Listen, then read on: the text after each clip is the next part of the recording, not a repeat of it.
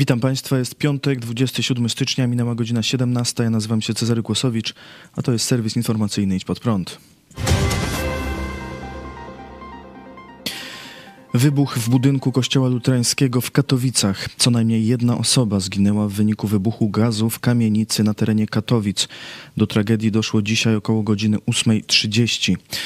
Około godziny 13 ratownicy znaleźli ciało kobiety, która mieszkała w kamienicy. Siedem osób, w tym troje dzieci, odniosło obrażenia. Zostali opatrzeni w szpitalu. Na gruzach zawalonej części budynku wciąż trwa akcja ratunkowa, w której bierze udział prawie 200 strażaków. Poszukiwana jest jeszcze co najmniej jedna osoba. Trzypiętrowa kamienica, w której doszło do wybuchu, to plebania parafii ewangelicko-augsburskiej, jednej z protestanckich wspólnot w Katowicach. Połowa budynku uległa zawaleniu. Z okien zlokalizowanej naprzeciwko niego szkoły podstawowej wypadły szyby. W szkole nie było dzieci, gdyż w województwie śląskim trwają obecnie ferie zimowe. Prezydent Katowic Marcin Krupa, a także premier Mateusz Morawiecki zapewnili, że osoby poszkodowane otrzymają potrzebną pomoc. Po wybuchu gazu jestem w kontakcie z wojewodą śląskim. Sytuacja została omówiona na posiedzeniu Rządowego Zespołu Zarządzania Kryzysowego. Niesiemy pomoc poszkodowanym, napisał na Twitterze premier Morawiecki. Na razie nie wiadomo, dlaczego doszło do eksplozji. Przyczyny wybuchu są obecnie ustalane. Nie mamy oficjalnej informacji, natomiast można potwierdzić, że w budynku znajdowało się źródło gazu, które służyło zarówno do gotowania, jak i ogrzewania, powiedział podkomisarz Łukasz Klot z katowickiej policji. Sprawę relacjonuje Mikołaj Rykowski z Fundacji Wolne Miejsce, który kontaktował się z przedstawicielami Kościoła Luterańskiego w Katowicach. Rozmawiałem z e, panią e, sekretarką biskupa. No niestety oczywiście to są bardzo smutne, e, smutne wieści. Jest to tragiczny dzień, gdzie, gdzie już wiemy, że jedna osoba zginęła, jest to była kościelna, ale na pewno cierpiały też dzieci, bo cała ta, ta sytuacja działa się, jak, jak wszyscy Państwo wiecie, w nocy nad ranem, gdzie właśnie wikariusz wyczuł gaz i poszedł sprawdzić, co tam się dzieje i właśnie wtedy nastąpił wybuch. On jest też poszkodowany, ale nie tak groźnie, e, o wiele gorzej. Niestety e, przekonane są jego dzieci i żona, oni przebywają teraz w szpitalu, to są dwie dziewczynki. My bardzo współczujemy, to są nasi, no powiem szczerze, bracia, siostry, e, sąsiedzi. Społeczność ewangelicka jest bardzo mocno rozpoznawalna w Katowicach. To jest jeden z najstarszych kościołów w centrum miasta, więc ta kamica również też wszyscy wiedzą, że należy właśnie do kościoła i no jest to wielkie, wielki smutny, to jest bardzo smutny dzień. Na pewno jeśli chodzi o zdrowie dzieci, to jest bezdyskusyjnie czas e, modlitwy. Ja też obiecałem właśnie Pani Bożence, że będziemy się tu modlić i proszę wszystkich o to, abyśmy właśnie tą wolę uszanowali. Wiemy z, z informacji, którą Pani Bożena mi przekazała, że ksiądz e, z żoną dzisiaj był też na wyjeździe, nie było go, był dzisiaj, pojechał na uroczystość do Święcimia, to go uratowało. Sejm przyjął wczoraj zmianę zasad przeprowadzania wyborów. Nowe zasady mają ułatwić głosowanie i zwiększyć kontrolę nad przebiegiem wyborów. Opozycja zarzuca, że zmiany są korzystne głównie dla wyborców PiS oraz że nie powinno się wprowadzać zmian tuż przed wyborami. Nowelizacja ma umożliwić tworzenie mniejszych obwodowych komisji wyborczych, nawet w okręgach liczących 200 osób. Do tej pory minimalny rozmiar obwodu to 500 osób. Po zmianach osoby z małych miejscowości będą miały bliżej do miejsca głosowania. Samorządy będą miały obowiązek zorganizować bezpłatny transport do lokalu wyborczego osobom niepełnosprawnym i tym powyżej 60 roku życia. A jeżeli w gminie w dniu głosowania nie funkcjonuje komunikacja publiczna, to każdemu. Utworzony ma być także Centralny Rejestr Wyborców zamiast obecnie istniejących ponad 2000 gminnych rejestrów. Gminy nie będą musiały już przekazywać sobie informacji o wyborcach, którzy zmieniają miejsce głosowania. Ponadto zmiany dotyczą nagrywania komisji wyborczych. Mężowie zaufania, osoby delegowane przez partię do pilnowania przebiegu głosowania i liczenia głosów będą mogły nagrywać pracę komisji również w czasie głosowania.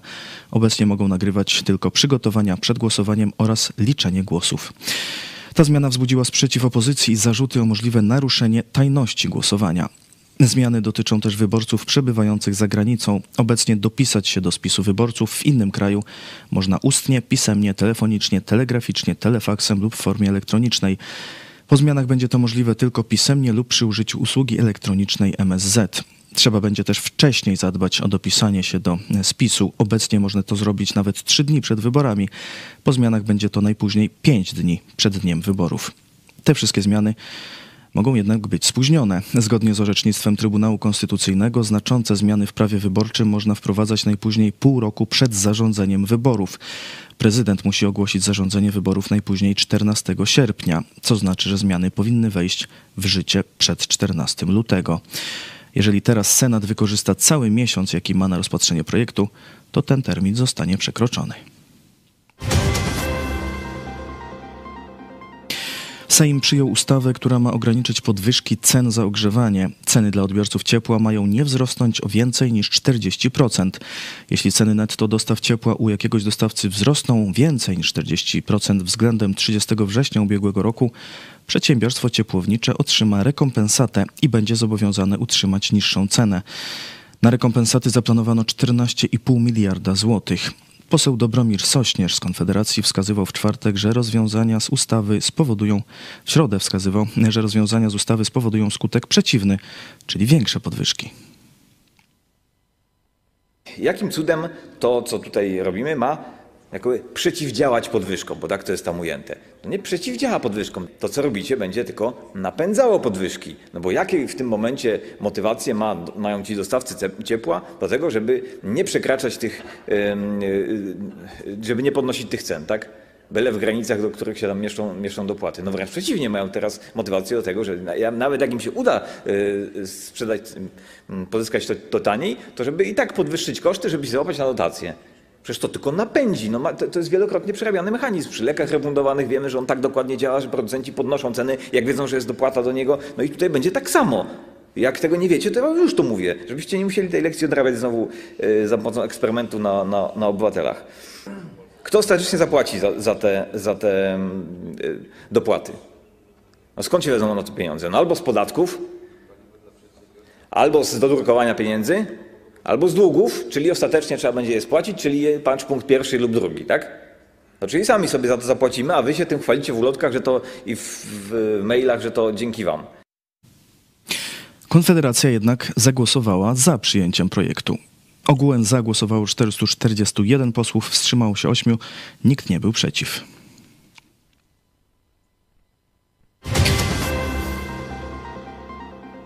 Czwartek Sejm uchwalił także ustawę deregulacyjną, która zmienia kilkanaście ustaw. W założeniu mają być to zmiany upraszczające życie.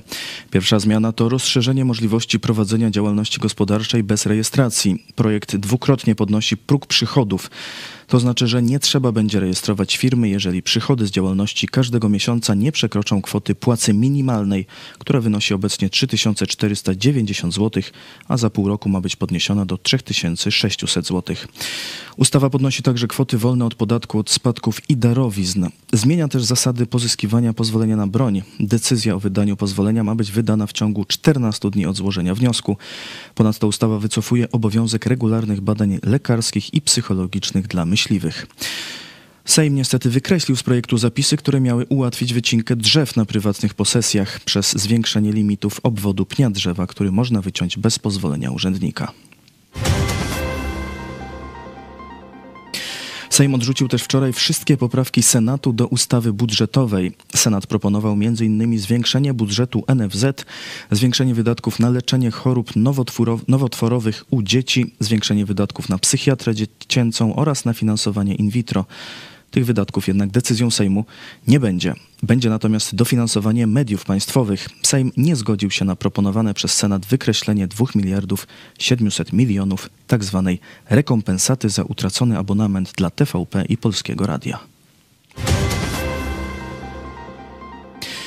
Ukraina dostanie Abramsy, ale musi poczekać. Prezydent Joe Biden 25 stycznia ogłosił, że Ukraina otrzyma 31 amerykańskich czołgów Abrams.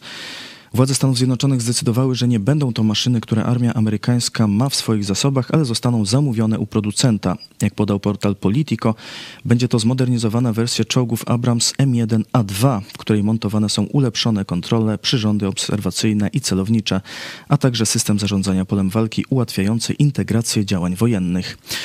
To jak porównanie telefonu przewodowego z iPhone'em, powiedział cytowany przez Rzeczpospolitą emerytowany generał armii Robert Abrams, były dowódca sił USA w Korei, oceniając różnicę między starszym systemem czołgu M1A1 a nowszym M1A2. Jak podaje serwis Politico, fabryka produkująca czołgi Abrams jest jednak obecnie zajęta realizacją kontraktów dla innych państw. 250 maszyn zamówiła Polska i 108 Tajwan. Oczekiwanie Ukrainy na Abramsy może więc trochę potrwać. Polski minister obrony Mariusz Błaszczak ogłosił, że do Polski pierwsze Abramsy dotrą na wiosnę. Decyzję administracji Joe Bidena o przekazaniu Ukrainie Abramsów skrytykował były prezydent Stanów Zjednoczonych Donald Trump. Najpierw idą czołgi, potem atomówki. Zakończcie tę szaloną wojnę teraz, to takie łatwe do zrobienia, napisał Trump na portalu Truth Social.